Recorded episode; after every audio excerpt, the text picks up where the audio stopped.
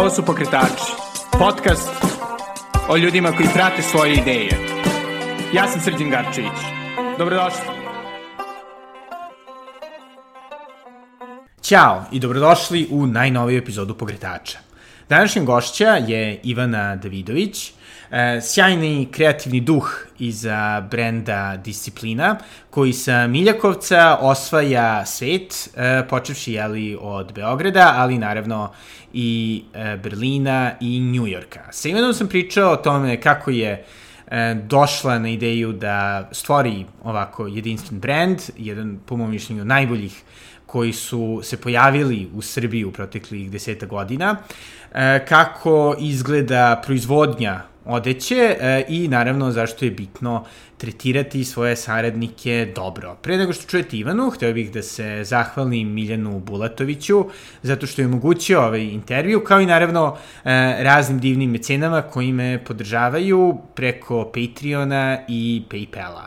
Ukoliko i vi želite da budete deo ovih divnih ljudi, to možete učiniti ako odete na e, adresu patreon.com kosacrta Belgrade ili paypal.me kosacrta Sagarcevic. A sada, bez duženja, ovo je Ivana Davidović iz Discipline.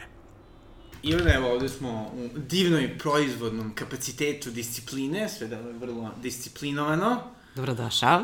Hvala, hvala. Pa, ovaj, kako je, kako je izgledalo ono, početak discipline? Naravno, znam da tu svi pitaju, ali eto, Ne, ne smeta mi što je kliše, znaš, da, da. zato što generalno jeste interesantno. Pa znaš kako izgledalo? Izgledalo je tako što je toliko bilo spontano i toliko je bilo brzo i toliko je bilo neočekivano da sad kad se vratim unazad ne mogu da pro, propratim sam kao start. I ima veze dosta sa fakultetom koji sam studirala, vrlo je povezano, nije konkretno grafički dizajn, modni dizajn se negde tu imaju nekog, neku zajedničku crtu. Uh, Ali je to ona opet kliše, klasična priča, nisam bila zadovoljna odabirom ono što sam, ovaj, što sam zapravo studirala, okrenula se nečemu što me vuče od kako znam za sebe. I onda jedno po jedno, greški hiljadu, probaj ovo, probaj ono, vidi sa prijateljima kako će to da izgleda, da li će to dobro da izgleda, da li će to imati neku priču i prosto jedno za drugim i tu smo gde smo danas. Da. Trud. Da. I u jednom intervju ovaj, koji sam čitao je bila priča zapravo da si imala na umu jednu konkretnu majicu koju nisi mogla da nađeš. Pa ne samo jednu, znaš kako, u to vreme, do duše to su sad i neke klinačke, aj tako da se izrazim dani, ali generalno je, kao i danas, nažalost, i tad je tržište bilo prezasićeno, ali prezasićeno istim stvarima. A pošto je negde ta, mislim sad za sebe pričam pretenciozno, ali generalno taj neka kreativnost u, u, u klasičnoj garderobi, jer majicu možeš da nađeš svuda, uh, ali je falila. Falio je taj neki pečat nečiji lični, da to se odvoji možda malo od tih preogromnih kompanija koje, koje kod nas prodaju i rade, nažalost, bolje nego mi domaći. Falilo je i opet kažem, to je sad usko povezano s tim fakultetom i s tim hiljadama printova koje sam ja mogla inkorporirati u, u, u ovo što danas radim i prosto je bio dobar feedback od mojih bliskih ljudi i znaš, kad čuješ e vidi, ovo nisam nigde video, super mi je što može, ajde probamo. I da. onda tako, znači ne možeš da nađeš nešto što bi voleo, hoćeš budeš malo drugačiji, a opet nemaš nikakvog iskustva u tom momentu, pa pogrešiš hiljadu puta, ali na kraju dođeš do toga da to hoće velika većina ljudi da nosi na kraju. Kako je zapravo da izgledalo to ono, od kao je super i majice, divno, hoćemo, do zapravo pravljenja celog, da kažem, brenda i... Pa mene je tad već kad sam dobila feedback da je to nešto što je, ajde da kažem, nije savršeno, ali je dobro i drugačije, mene je tad već uhvatila neviđena panika, znači jer nisam znala čemu se okrenem. Prvo, ti tad nemaš apsolutno nikakvog iskustva, naročno ne biznis iskustva, znaš, tad shvatiti šta je proizvodna cena, odakle krenuti, koga naći, ko to sve može da proizvede, da radi, to je sve bio jedan haos u mojoj glavi, pa sam ja to vrlo onako skromno počela, znaš, napravim print, kupim majicu, odnesem u kopi centar, probam da je napravim, obučem i vidim kako se ponaša. I onda jedno za drugim, znaš, jedno za drugim shvatiš da je to nešto što te privlači, što ti se dopada i onda krećeš već i da zoveš i da tražiš kontakte, da se negde povezuješ sa ljudima koji možda radi ili žele istu stvar i prosto dođeš do nekog tog rešenja u nekom momentu. Ima ljudi koji bi možda probali kad im dođe dete od 19-20 godina, e, ajde da probamo to da ti napravimo, da imamo kako izgleda i onda sve ide nekako svojim tokom. Da, super. A kako je, da kažem, bila ono, reakcija okoline, pošto čini mi se šta pre, pre 7 godina je nekako još Da. Čini mi se da su ljudi bili još konzervativni i manje kao preduzetni. Apsolutno. Pa e, imaš deo, deo e, ljudi koji su, kojima je bilo potpuno neinteresantno, znaš, jer prosto nisu, ni, nisu nigde ni pretpostavljali, niti ih je interesovalo, ali sam s druge strane imala veliku podršku porodice jer su shvatili tu neku moje, da kažem, nesrećnost u tome što sam ja odabrala da se ja tu negde ne pronalazim, da ne znam gde bi, da ne znam šta bi i videli su dovoljno im je bilo da sam ja oko nečega dovoljno, znaš, da imam neki drive koji je jači i onda sam imala tu taj neki vetar u leđa i tu podršku, ajde da krenemo, ajde da ti pomognemo i finansijski i sa podrškom i prosto znaš, nekako, kažem ti, koliko god da je spontano, opet je bilo negde i, i, i smišljeno da ja negde napredujem u tome što radim. Tako da imaš one koji su nezainteresovano, ajde, to je glupost, to, znaš, dete si, to neće da prođe, tu treba para, tu treba ozbiljnosti, a opet i oni koji probaju što da ne, mislim. Da. Što se ne bi odvažila u nešto, pa šta mu najgore što može desiti da ne prođe i super, nastavit ću nešto drugo i to je to. Da, i nekako ono, čini mi se da, pogotovo oni ljudi koji ne prete toliko modu, oni imaju vrlo ono, idealizovan, ono, pogled na ljude koji se bave modom, u smislu, ok, oni samo nešto crtkaju, idu po ono revijama, zezaju se, ne rade ništa, a, a zapravo evo ovde smo, tako iza nas su ljudi koji zapravo rade i imaju poslove. Kako zapravo izgleda bavljenje modom? Pa zapravo, u mom slučaju izgleda tako što sam ja jako brzo morala da napredujem u stvarima koje me ne interesuju, a to je taj ekonomski, finansijski moment.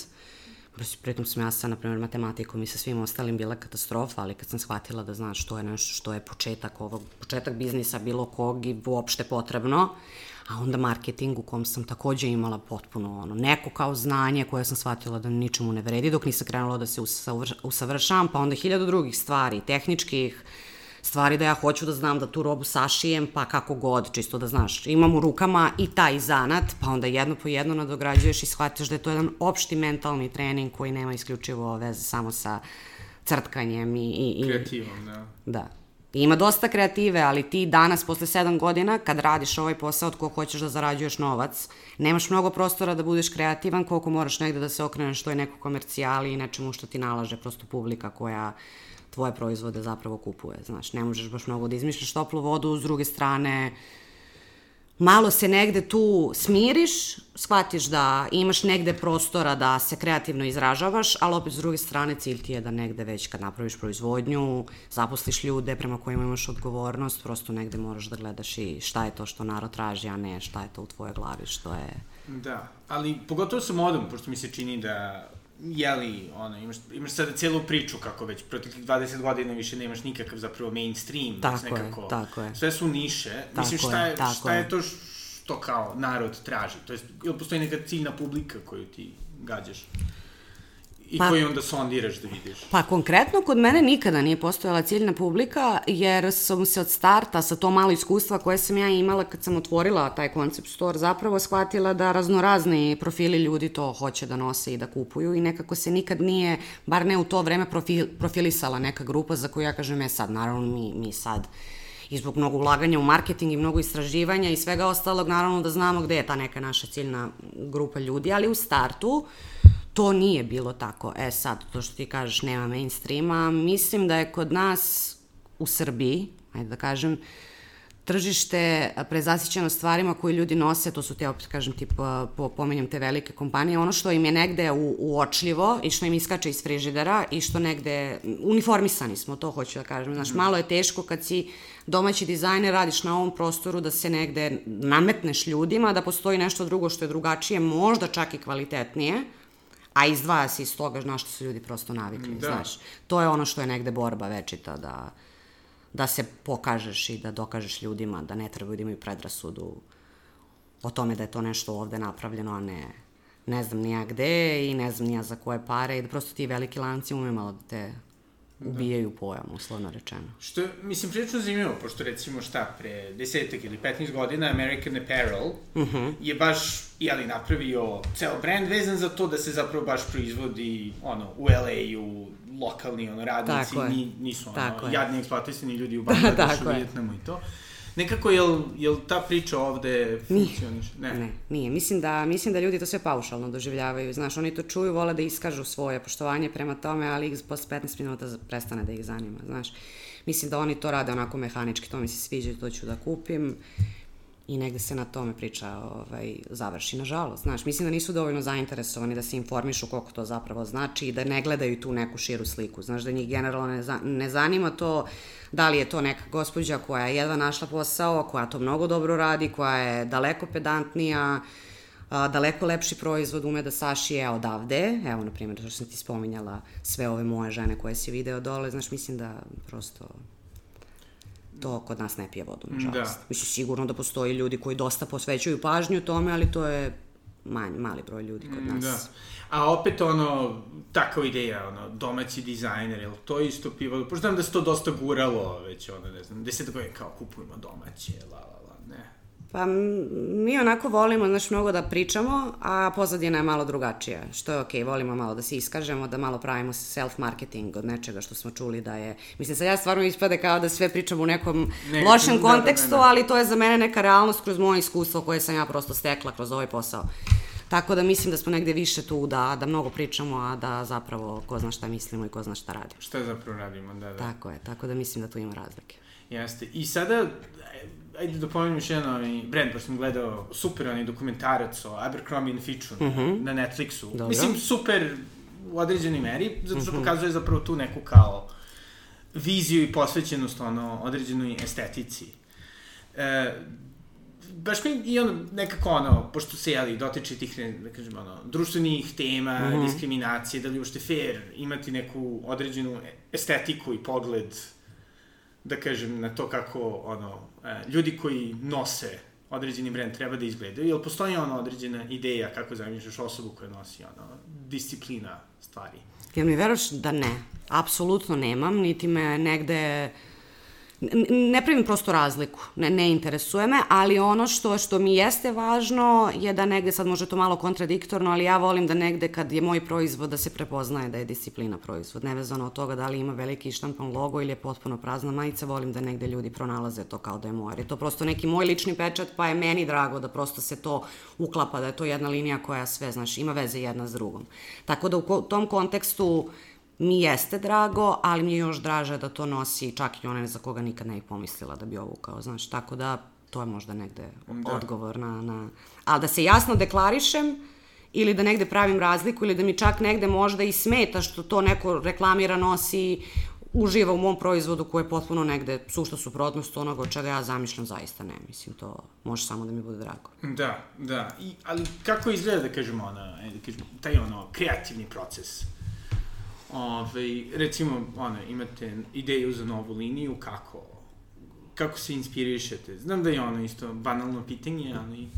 Pa dosta haotično, znaš, tome treba prisustovati. Prvo, ja mnogo volim timski rad, ne znam koliko su dizajneri, ovaj, bar kod nas, uh, otvoreni prema tome, ali ja dosta, kroz, naročito kroz proizvodnju ovih godinu dana koliko postoji i kroz sve ove ljude koji su deo tima, mnogo volim da usvajam ideje Znaš, mislim da, da se dosta, do, dosta se ja nekad premorim i negde ugasim što se tiče, znaš, ti ipak moraš neke dve linije godišnje da napraviš, koje su drugačije, koje su pristupačne, koje će se dopadnu publici, da organizuješ to neku kampanju, to neko fotografisanje, da predstaviš taj svoj proizvod, pa ti hiljadu stvari iza toga koje idu.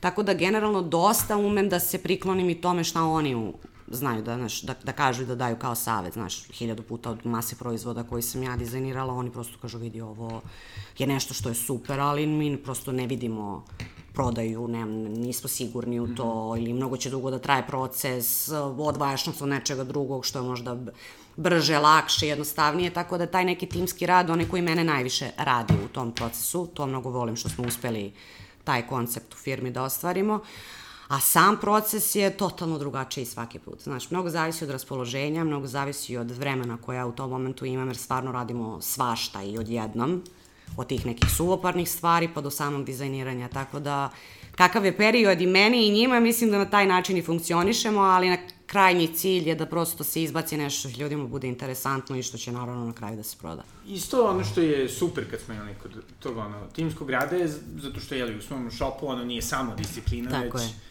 se trudiš da nekako ono, i, i širu scenu ovaj, afirmišeš. K kako izgleda uopšte sad dizajnerska scena kod nas? Pa vidi, od samog starta što se tiče radnje, meni jeste početna ideja bila da prvo, da, da se ne lažemo prvo zato što ja u tom momentu nisam imala dovoljan taj kontingent proizvoda koji bih ja mogla da predstavim u toj radnji, a imala sam veliku želju da taj neki concept store postoji kod nas. Pr prvobitna ideja mi jeste bila je hajde da se povežem sa ljudima koji rade nešto slično ili koji imaju istu želju, iste ciljeve kao ja, da prosto probamo tako nešto i da se zajedno udružimo da vidimo kako će to da ide. Sad to ti je na prvi deo pitanje negde odgovor i to je super prošlo. Naravno da se masa ljudi promenila umeđu vremenu, da li je odustala, da li je naša novi prostor, to je sad nevažno, ali volim što za ovih četiri godine koliko postoji radnja imam te neke standardne ljude koji su dalje tu i sa kojima ti rasteš, znaš. I čak i tu ima tog timskog rada gde je tu mnogo, znaš, bez konkurencije, nema te loše, ružne konkurencije koja smeta, nego prosto rastemo zajedno i to je a, mnogo negde mislim, meni je važno, ne znam da li da. ima, ali znaš, ti kad vidiš da tebe drugi dizajner pohvali da kupuje tvoj proizvod zato što mu je drago da ga ima i obrnuto, to negde mnogo znači na, na kraju. Tako da što se tiče samo koncepta i timskog rada i tu ga ima. Ne samo ovde na mom radnom mestu, nego čak i tamo u, u, da. u radnji. I isto čini mi se da, da nekako u proteklih pet godina, na primjer, se isto dosta promenio odnos ljudi prema modi u tom delu da je ono dosta lakše i naručiti stvari, e, čak pr proizvesti neke svoje stvari na polju, pa onda uvesti, pa. evo na primjer ovde, ja sam sam dizajnirao ovu majicu Incel kao, kao omaž um, ove industrije celuloze u Banja Luci. Eto vidiš, strava. Čini mi se da bi to bilo dosta teže pre 10 godina i nekako... Apsolutno. Pa, kako... znaš, pa prvo ono što je najvažnije, oprosti momentu, u reč, ono što je najvažnije je što smo se mi danas mogu da kažem potpuno osvestili online kupovini kao jednom bezbednom, potpuno normalnom i prirodnom procesu kupovine, znaš. Da. Naravno da je u to vreme postao određen broj ljudi kod nas kojima je to potpuno bilo normalno i koji su tad naš uđu na sajt, poruče svoj proizvod, nemaju tu strepnju šta će se desiti, da li će da dođe, da li će neko da mu ukrade silne pare sa kartice ili slično, da li se to potpuno jedna normalnost. Da. Što naravno nama mnogo znači, jer mi negde tu našu online prodaju gledamo kao drugu radnju. Da. I gledamo da se to negde, ako nije isto, ako nije bolje, da je to uvek negde jednako dobro. I ono što je, znaš interesantno je što imaš masu ljudi iz Beograda koji poručuju i kojima je draže da poruče da im stignu na adresu, pa makar to bio i veći trošak nego prosto siscima i da dođu do te radnje. Da. Tako da mislim da nama kao brendu uh, naročito ovde to mnogo znači. Da, da. jer ja sam u startu i kad sam otvorala radnju nisam imala u glavi da to postoji kao neki, ja, ja sam slala svoje majice poštom i ja sam čekala te postnete uplatnice da mi te da, neke da, da. pare dođu i to je sve bilo, razumeš, vrlo onako neprofesionalno, možda čak u tom momentu, ne znam da li je bilo ni zakonski, ali prosto tako sam funkcionisala, ali je to bilo na tako nekom niskom i malom nivou da je bilo neprimetno i bilo je, znaš, meni važno za moj neki osjećaj uspeha, ali je to sad potpuno neka druga priča. Da, a opet sa druge strane interesuje me koliko je to otvorilo za tebe, recimo neka tržišta van Srbije, ono da ljudi vide, pa onda ono kao kontaktiraju. Pa što se tiče regiona dosta i zbog toga mi je jako drago, zato što mi je otvorilo vrata da uvek mogu da otputujem, da sa te ljude poznajem, da prosto mogu da sklapam neke dogovore, da imamo taj neki cross marketing koji je važan, da ne znam, ja svoje stvari mogu uvek da izložim u njihovim koncept storovima i obrnuto, što to je užasno značajno, znaš, da imaš prosto neke prijatelje, da kažem, koji bi da ovaj, sarađuju sa tobom, to je super. Što se tiče inostranstva, uh, ne toliko sajt, ali je dosta interesantno da smo mi pre same proizvodnje krenuli malo, baš ja i kolega i ja, kog, kog poznaješ, ovaj, dosta da se interesujemo tim nekim alternativnim, da kažem, gradovima koji bi bili interesantni za ono što mi proizvodimo. To je taj, na primer, Berlin, ne znam koliko si upoznat sa da. tim, ali tu smo dosta dugo uh, postojimo, neke već jača tri godine. Uh, Nije imalo veze sa internetom, nije nam nešto, bog zna koliko taj deo ovaj, pomogao, ali nam je pomoglo to upoznavanje i to da se odvažiš da odeš, da prosto probaš, da ostaneš određeno vreme, da obilaziš, da se upoznaješ sa ljudima i da prosto se nadaš da ćeš ostvariti neku saradnju, što se nama i desilo, naravno. Posle tu došao i New York na neki period i Milano na neki period, znaš, prosto probaš svuda i ispipavaš ta neka tržišta, gledaš, na primjer, Moa Roba i Milano su potpuno, mogu iskreno da ti kažem, potpuno prošli, ne, ne, ajde da kažem po srpski džabe sam se Stvarno? cimala, da. A kažeš opet neke predstavnica neke mode i to, ali prosto možda ta neka garderoba koju ja pravim je dovoljno interesantna za to držište, dok je, na primjer, za Berlin i za New York iznenađujuće dobro. Znaš, čim ti ta saradnja koja i dalje traje i u koju mi ulažemo i gledamo da je održavamo da. A koliko je njima, da kažem, zanimljivo kao ona egzotična zemlja, Srbija, Beograd. Pa oni su dosta spremniji da ovaj, upoznaju nove ljude i da prosto im potpuno negde normalno da znaš ti dođeš na vrata, kažeš ovo je moj portfolio, imam određenu robu koju želim da vam pokažem, hoćete da vidite. Znaš, dosta su ne, ne mogu da kažem da su kreativniji ni da su raspoloženiji za takve stvari, ali negde, znaš, uh, prihvate te uh, otvorenih ruku i hoće da vide šta radiš. I dosta više dizajnera prihvataju u tom nekom smislu i interesuju se i mislim da ovaj, to možda čak još jedna stvar koja se razlikuje, znaš, od, od ovoga što je kod nas sad i kod nas se to dosta menja i kod nas je dosta bolje, ali tad u tom momentu kad sam ja tamo krenula, baš za Berlin ti pričam, bila je razlika, ne, nego te nekako sam bolje prihvaćena u tom momentu sa tom svojom garderobom tamo, nego možda čak i ovde. Aha. Tako da, eto, to je možda interesantno. Da, da, da, da, da. Oni to deklarišu tamo kao party wear, na primer, što je Aha. meni isto vrlo interesantno, jer ovde to nije, ta, ne, ne, ne gledaju tako, ali eto, prosto takav grad, takva garderoba im treba, tako živo žive, takav im je lifestyle, tako da, eto. Dobro, da znači ovi... Sada da znam da... Eto, da. Kako da se obučem za žurke i to. A druga stvar koju sam isto mislio kad sam pričao kao promeni uopšte načinu proizvodnje je da dosta više ljudi proizvodi, usno rečeno, sobstvenu modu. Evo, da. imamo dosta ljudi koji ono, napravi neki print, pa to pokušava da, da, da ono, prodaje kao merch, kao bilo šta, vezano uz neke Pa da. druge stvari. Šta misliš o tome? Je to ono malo... Pa vidi, ja mogu krajnje iskreno da ti Aha. odgovorim na to pitanje, bojim se kako bi to ljudi shvatili, možda bi me onako shvatili kao neko ko je malo zadrt, možda malo čak i bezobrazan, ali ja nešto nisam pristalica takvih stvari. Ne zato što je to, to, to može da se doživi kao konkurencija, jer svaka, stvarno sam stava da je svaka konkurencija super stvar i da ne treba da se posmatra na, na loš način, ali ta, taj neki moment predavanja u nešto bez neke posvećenosti za, znaš, me- meni, ja na primjer dosta radim u- uslužno i mm -hmm. dosta mi brendova dolazi kojima ja pružam uslugu krojenja, šivenja, štampanja, šta god da im u tom momentu treba i mnogo ljudi upoznajem. Super je sa jedne strane zato što to jesu mladi ljudi u kojima ti vidiš neki određeni entuzijazam za tako nešto, ali opet s druge strane, pošto imam nekog iskustva, možda čak malo više od njih, opet vidiš da je to nešto što nije na, na, na dugom nekom štapu i što će negde da se završi, a opet te negde remeti u tom nekom smislu Znaš, ja bih njima mogla da kažem, ok, ali ne možete za toliko i toliko majicu da prodajete, jer kvarite nama neki moment prodaje i nekog afirmisanog, pos, mislim, postojanja, ako me Da, razumeš, da. znaš. Ima tu nekih mnogo stvari koje, s kojima se ja ne slažem, ali opet ko sam ja da, znaš, dajem Da, da, da. neke, ne mislim da toliko zasićeno tržište u toliko maloj zemlji, ne mislim da može da bude dobro. Ako stvarno nisi spreman da se tome posvetiš, da ti to bude negde profesija i da daješ sve što imaš u to. I mentalno, i finansijski, i energetski, i kako god. Znaš, što, nažalost, sam kod jako malo ljudi koji su dolazili za uslugu uspela da vidim.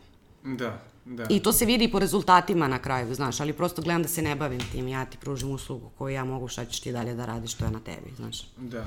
I jedna stvar koju smo se dotakli prije nego što smo snimali je zapravo veliki nedostatak zapravo dolazeći veliki nedostatak Radne snage. radne snage koje zapravo, jeli, ne samo dizajnom, već i ono, proizvodnjom. Generalno, da, da, proizvodnjom generalno. Pa to je, mislim, ja mislim da svako ko, ko proizvodi i ko se bavi poslom, aj pričam o svom poslu, jer ne, ne znam kako je, ovi, verujem da je u, u drugim profesijama tako, ali kod nas jeste to. To se negde zovu ljudi već za- zanat koji izumire ljudima, mlađim generacijama, negde to da li neinteresantno, da li misle da je neprofitabilno ili prosto ja ne nailazim još uvek na te neke mlade ljude koji bi hteli da se odvaže u taj neki posao. Mislim da je dosta teško i mislim da smo u problemu ako se negde stvari ne promene i ako se prosto ne nađu neki ljudi koji su spremni da se bave tim stvarima i da prosto možemo da napredujemo zajedno. Znaš, jeste, jako je teško. Naći čak i trgovca za taj koncept store, isto je jednako teško naći dobru pedantnu šnajderku koja prosto hoće to da radi ili neku koja nije pedantna i nije odgovorna još uvek, ali ima želju da uči, znaš. Da. Tako da jako jeste, ja, jeste teško. Čuvaš ih kao bele medvede i to Da. je to. Vodiš računa da ti ih neko ne ukrade. Da, i koliko sam shvatio zapravo uglavnom ljudi koji s time bave su ljudi koji su bili školovani i radili u velikim SFRJ fabrikama, tim nekim... Kod mene su uglavnom samouke žene koje jesu radile u tim fabrikama i kad je neko samouk, mislim u to vreme nisi imao mnogo izbora da, drugačije, ali kad je neko samouk, ja sam negde doživala to kao da je spreman i da se usavršava kroz vreme. Znaš, ja imam gospođu koja imaš, na primjer, dan, danas, danas ima 60 godina, ali i dalje je vrlo spremna da iako možda ima do penzije 5 godina nauči da radi na još 5-6 različitih mašina. Znaš, što je meni važno. Prosto ne odustaju i imaju jači entuzijazam od, kažem ti, mnogo mlađih ljudi koji dolaze. Da. Tako da, drugačiji je sistem rada danas možda. Ne verujem da je svuda, ali tad u tim fabrikama o kojima ti pričaš su oni bili pa, podcenjeni, verujem dosta negde, uopet uslovno rečeno, maltretirani, necenjeni dovoljno, tako da mislim da ako im daš uslove i napraviš tu neku dobru atmosferu za koju znam da je, bar mojima, važna, mislim da to može da funkcioniše.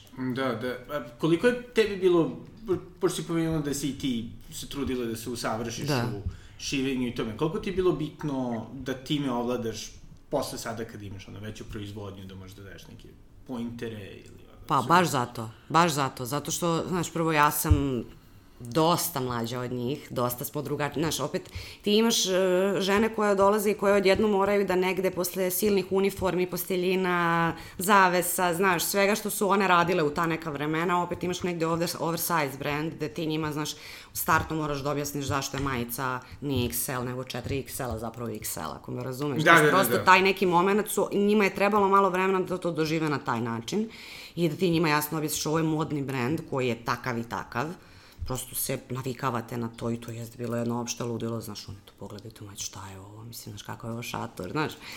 Tako da, ovaj, dok nisam ih, ajde kažem, zamolila i rekla, ok, hoću da naučim određene stvari, ajde, hoću da naučim osnovno tu neku mašinu koja se zove šteperica, hoću da naučim te neke osnove tog nekog krojenja, hoću da prosto imam znanje u rukama, prvo da bi se ja bolje osjećala, a drugo da bi baš zbog toga mogla da sa, sa, i sa pravom i sa predznanjem dođe mi kažem vidi ja nisam ovo ovako zamislila, znaš, prosto i mislim da kad one vide želju u meni da ja negde nisam neko ko se zove nekim dizajnerom, nego da prosto imam taj neki zanat zajedno sa njima, mislim da one to dosta cene. Da, da, da. da. I imaš mnogo pre, previše tehničkih stvari koje ti moraš da naučiš da bi, taj, da bi ti mogu prosto da iskomuniciraš sa njom šta ona zapravo treba da uradi, znaš.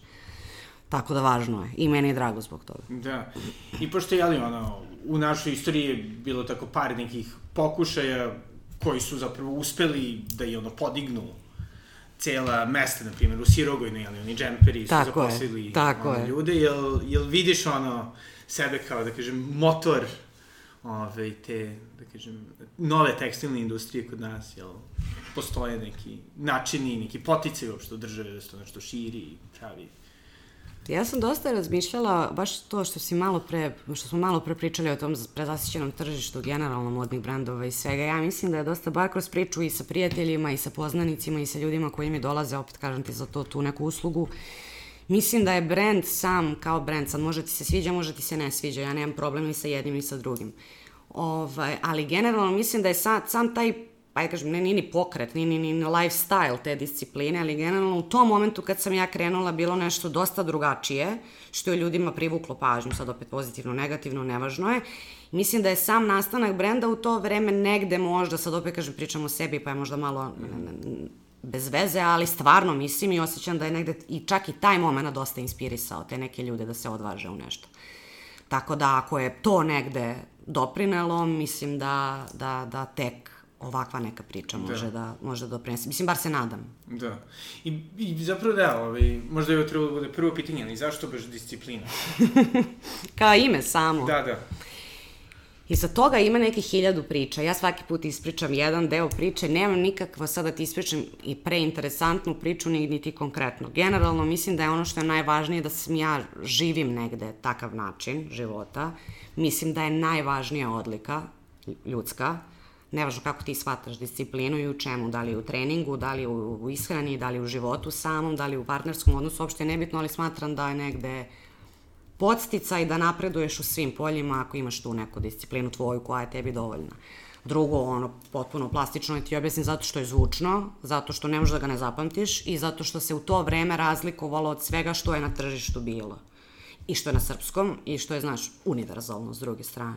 Da. Sad, naravno, ima iza toga hiljadu nekih priča koje su, znaš, nisam se probudila jedan dan i rekla je disciplina je super ime. Naravno da ima i neku tu pozadinu koja nije dovoljno interesantna, ali ono što je na kraju najvažnije je da Ja hiljad puta tako sama sebi tako mi kažem, vrati što je dobro ime, stvarno. Jeste, stvarno. Samo i sebi kažem, vrati, stvarno super ime pogodila. Tako da razlikuje se, znaš, malo mi se tad mi je bilo smešno, znaš, te neke izvedene iz francuskog, iz italijanskog, uglavnom nešto englesko, znaš, drugačije. A ja sam sama htela da taj brend negde bude drugačiji, da ljudi koji dolaze budu drugačiji i to sam negde mislim da je... Da. A nisi htela da je zlupno zove Ivana Collection? A to ti kažem, znaš, ili ime i prezime ili tako. Nemam ništa protiv, znaš, ja znam masu dizajnerki koje su po imenu i prezimenu dovoljno poznate i stoje iza kvaliteta koje prave, a do duše to jeste potpuno drugačija neka vrsta mode, ali ima smisla. Ali za ovo što ja radim da se zove mojim imenom i prezimenom, i svi iako jesu da i disciplina Davidović Ivana, pa ima negde i tu smisla, mislim da, znaš, prosto ne ide. Da, da, da. da. I ono, kažem ti, najvažnije mi je bilo da prosto to se zapamti i da sva, svačija izjava je, evo te, to se uklapa, sad izvine na, na psovkama, uklapa se i uz u vojsku, i uz policiju, a i uz klince, i za školu, i znaš, stalno neko ima neke nove ideje zbog čega je to njima interesantno. I onda vidiš da ih radi. Izvini, da ih prosto radi ime i onda shvatam da, da je, znaš. Ili možda svima u ovom, ono, haotičnom vremenu fali discipline. E, naročito kad je bio COVID i kad je bio karantin. Znaš, tad su svi očekivali da ćemo mi da grunemo jako, da se, znaš, budite disciplinovani, ostanite kući. Da. Mi smo taj marketing potpuno, ovaj, situacija nam nije nalagala da taj marketing iskoristimo na taj način. znaš, to mi je bilo onako malo Mračno. mračno i preteško. Ali da, tad sam, znaš, najčešće ovaj, dobijala i poruke i pozive i kao, eto, vidiš, to ti je prava prilika da se, pa mislim, nije ni zašto prava prilika, naročito ne da se ja ovaj, izražavam na bilo koji način, zato što se prosto ime Da. i floskula nečija sa televizije poklapa, znaš. Ali Da. eto, uvek možda ga primeniš. Da. I, i zapravo sad ti pomenula COVID. Koliko je on promenio, po tvojom mišljenju, ono, odnos ljudi prema ono, oblačenju, pošto primetio sam ja i dosta ljudi više radilo kod kuće, da. da. da, trenerkice, to, više kao athleisure je postao popularniji. Jeste promenio i, i mislim da, da su ljudi u tom vremenu, koliko god da je teško iskoristili, baš ono što sam ti ja rekla da nisam spektakularno mnogo iskoristila, iskoristili priliku da mogu da od svog brenda da ga prilagode, da bi opstali. I u tom nekom smislu jeste dosta promenio, ali kao i kod nas što obično biva čim se je neko zatišje, ljudi se prosto vrate nekom normalnom sistemu, prestaneš da na neke stvari obraćaš pažnju, okreneš se nečemu drugom i to, ali vidiš negde te ostatke toga da, znaš, opušteniji su u tom nekom smislu. Da, da. Tako da jeste, jeste, imao je uticaja. Naravno, mnogo više ima uticaja na financije i na sve ostalo, na, na psihološko stanje, mislim i, i moje čak, kad ti prosto ne znaš šta ćeš s poslom, šta će biti sutra, da li ćeš ga imati, da li si sve to radio za džabe ili, znaš, ne znaš na koji način da razmišljaš. Mislim da je možda na mene, bar pričam u svoje ime, više uticalo to nego ideja je sad šta bi ljudi nosili u ovom momentu kad rade od kuće. Da, i u baš tim trenucima, ovaj, kad si bila na foru, ok, šta, šta će da se desi, kako si se tu, ono, motivisala da kao nastaviš da budeš, ono, paralisana? Pa znaš šta, pa nisam znala šta ću, to je to. Znaš, ja u tom momentu da se okrenem nečemu drugom je potpuno besmisleno. Imam opciju da ili potpuno odustanem i da ne znam, što upadnem u depresiju i šta god, da ono, prosto gledam šta ću, gde ću, da nema smisla. Ja nisam kviter, ne volim da to radim. Ako sam već nešto krenula, volim da probam da da to, da to nastavi svojim tokom, imala sam dve opcije, znači kažem ti, ili da potpuno odustanem ili da se prosto ponašam kao da je to nešto što ima kraj. Nažalost vidim da ga i dalje nema, ali ajde negde je funkcionisanje omogućeno, još uvek bar, ili da prosto nastavim tempom koji mi u tom momentu nalaže, znaš. I ja sam se odlučila u tom momentu kad je bilo najgore da, misleći naravno i o zdravlju svojih zaposlenih i o svemu ostalom što je najvažnije u tom momentu, bilo da se prosto potpuno ugasimo. Znaš, da nemamo nikakav rad, da prosto, znaš, jer to iziskivalo i da se oni svi viđaju i da kolege koje rade u storu prosto moraju da odlaze, da imaju interakciju sa, sa, sa da li kuririma, ako je samo online ili bilo šta, sad da ne dužim priču, pro- prosto nalagalo je veliki jedan rizik koji je bio moj, koji ja nisam mogla, tako da sam u tom momentu gledala daj da opstanem bilo kako moguće, ali da se potpuno ugasim, jer bolje mi je to nego da snosim neku krivicu za naš nekog ili nešto. Da. Tako da mnogo težak period što se tiče opstajanja finansijskog. Da, je li to pomogla, onako, disciplina mentalna ili... Pa znaš što, sigurno da jeste, ali je tad bilo onako, znaš, već se pitala je, šta će da se desi sa, sa mojim razmišljanjem i sa mojim samom, sa mojim samim stanjem, ali dobro, malo se pokreneš, malo porazgovaraš sa nekim stručnim, malo vidiš šta možeš i Da. ideš dalje, jer nemaš izvora, znaš. Da. Ja ako ne mogu da rešim problem, idem dalje i to je to. Ne, nema mnogo vremena da overthinkujem o tim stvarima. Da. I sada, ovaj, da se vratimo, da kažem, lepšim temama. Uh -huh. Ajde, šta bi rekla da je najlepši deo tvoga posla? Za mene, proces stvaranja proizvoda.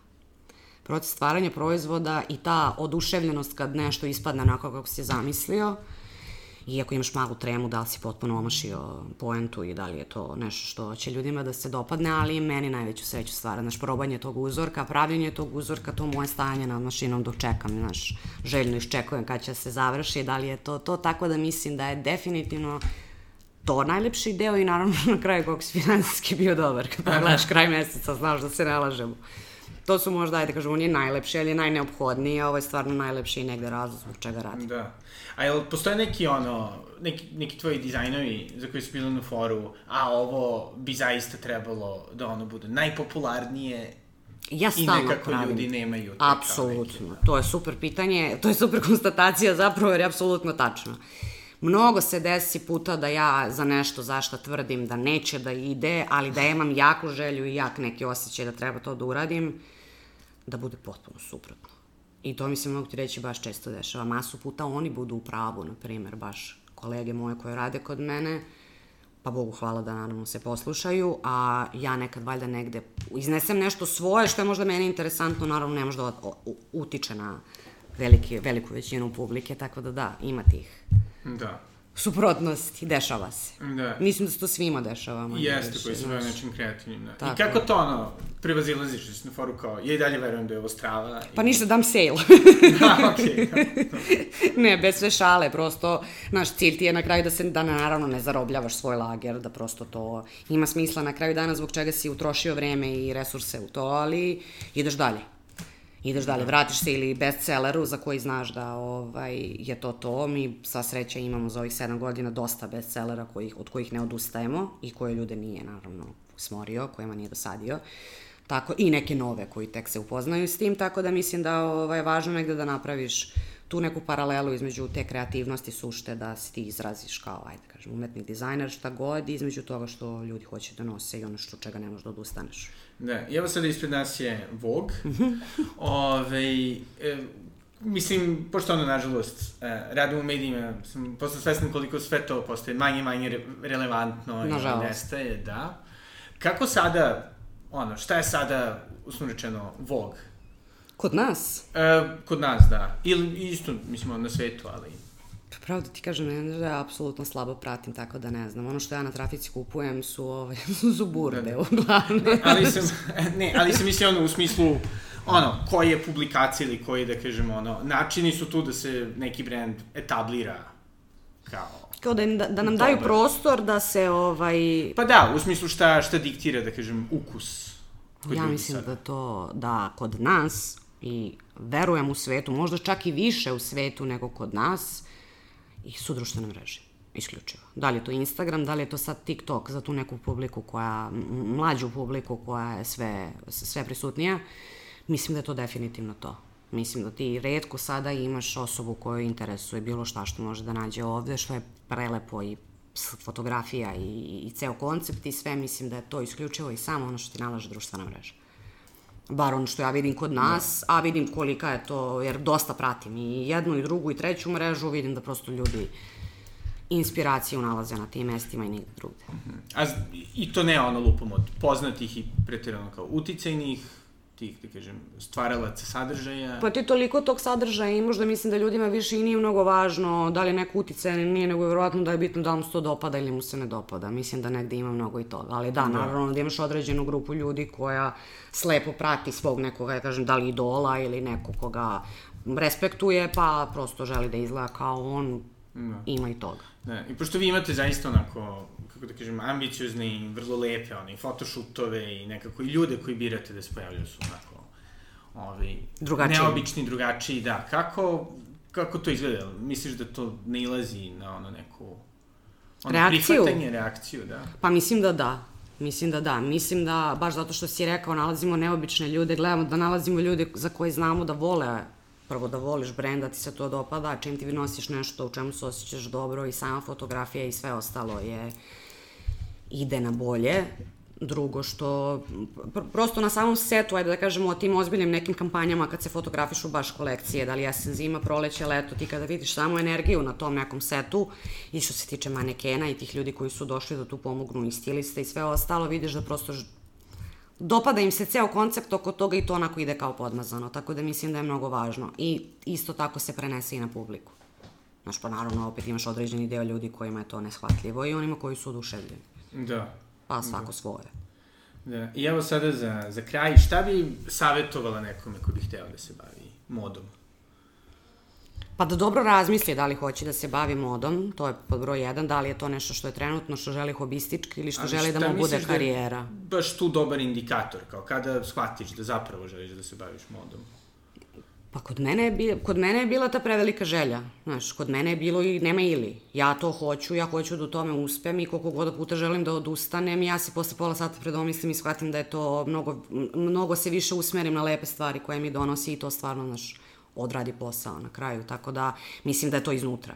Ako da, osjećaš da. da je to to i ako te to, koliko god da ti je nekad masa pro, procesa i s, uh, dosadna koja prati to što ti, čime ti želiš da se baviš, a ako i dalje imaš tu želju, mislim da je to ono što je najvažnije, želja, trud i da. krajnji neki cilj, da. šta hoćeš da ostvariš i koliko veliko hoćeš A da što se tiče nekih ono, praktičnih saveta, već ste svesni da želite, Pa praktični saveti, bar ono iz mog iskustva, iz upoznavanja ljudi koji tek kreću taj posao, je da se dobro prvo, da dobro prvo shvate i naprave plan šta je koncept njihovog, ajde da kažem, brenda, gde oni hoće da se izraze, koji je to negde deo publike, ajde da kažem, na koji utiču, jer mnogo su, znaš, mnogo se razlete i od silne želje i od, znaš, verovatno i godine i svega ostalo, prosto da se negde usmere na određene stvari, da shvate koje su im u biznis planu, koje su im finansijske mogućnosti i da se onda time vode u stvaranju svog proizvoda, da krenu malo da. i da krenu kvalitetno, da se ne razleću mnogo u hiljade i hiljade nekih različitih stvari iz želja da probamo ovo, da probamo ono i da prosto ne idu ako su kreativni, ako imaju želju da, znači, nije sve Pinterest slika, pa ajde da prekopiramo i da napravimo, jer to nije na, na duge staze i nećete ispuniti na kraju. Da. da negde prosto, znaš, izraze sebe kroz to što hoće da radi, znaš, jer neće svako da se bavi modom, a ja smatram da taj neko ko hoće da se bavi modom, to treba zaista da voli i zaista da ga zanima. Da, znaš, da. taj neki lični pečat na kraju dana je ono što mnogo doprinosi. Da, i sada ovi malkice, jeli, ovi, da, da isto rušimo te predrasude o modi, jeli, koja je sada postala za većinu ljudi povezana sa eksploatacijom ljudi i to. Uh -huh. uh, disciplina je drugačija, vi ulažete u, u svoje zaposlene. Da. Ko, mislim, ono, koje, ono, vrlo često, jeli, pogotovo, nažalost, u zemljama sa niskim platama, kao što je Srbija, većina ljudi nema taj pristup. Zašto si odlučila da, da ulažeš u zaposlene? Pa zato što smatram da je zadovoljan radnik dobar radnik. Znaš, da se ne, ne lažemo na kraju dana, meni je posao na prvo mesto i ne dozvoljavam da mi posao trpi ni na jedan način. Ako si ti zadovoljan uslovima i negde time što ja u tebe hoću da uložim i znaš da to ceniš i nisi nezahvalan, onda obe, oboje napredujemo i tu nema problema na kraju dana. Da, da. Znaš, to nije iz moje silne želje zato što ja tebe mnogo volim i mislim da si mi najbolji prijatelj jer toga, znaš, nismo na, na to svakako nivou ovde, ali ako si ti nasmejan i raspoložen i sviđa ti se to što radiš, a opet vidiš s moje strane feedback koji ti znači i prijati i odgovarati, onda nemamo problem na kraju s krajnjim proizvodom. Da. Znači, tako da se ja negde vodim da. tom politikom. Pa ih, doduše, neke od njih čak i šalješ da se muče u raznim teretanama. Kao našeg zajedničkog prijatelja da, da, da, Miljana, da, da. Pa opet i to ima mnogo veze sa poslom, znaš. Jer ako ja vidim da si ti premoren i da ti prosto nemaš gde da izbaciš taj neki svoj višak energije koji tebi negde kvari raspoloženje i utiče na taj neki posao koji ti treba da radiš, a negde uključim tu neku svoju intuiciju da mislim da bi to možda bilo dobro rešenje, onda sam vrlo, znaš, uporna i tvrdoglava i ne prihvatam neka odgovor. Naravno da na kraju to sve ispadne kao Kako dobra treba, stvar, da, vidiš, da, da. znaš koliko je Miljan dugo zajedno s tobom trenira. Tako da vidiš na kraju sve negde. Isto smo to priču nas dvoje imali za vo, vo, vožnju auta. Znaš, on kad je krenuo, on je imao položeno, ali nije sve u auto sigurno 10 godina. I nama je tad u tom momentu posao nalagao da mi moramo da imamo neki mali službeni auto i da prosto funkcionišemo s tim. To je bilo stresno, stravično, traumatično. On je iz malog mesta, u Beogradu je nije dugo, znaš. I ajde, i ajde, i ajde, i ajde, neki probni časovi, i ajde još malo da se sad, sad neće da izađe iz kola, znaš.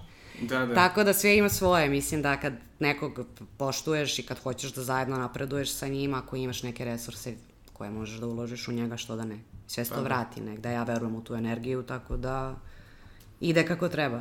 Da, super, hvala. Ili imaš nešto bih htjela da dodeš? Ma ja bi sad mogla s tobom do sutra da pričam, ali ne, mislim da smo otprilike negde rekli sve što bi bilo važno.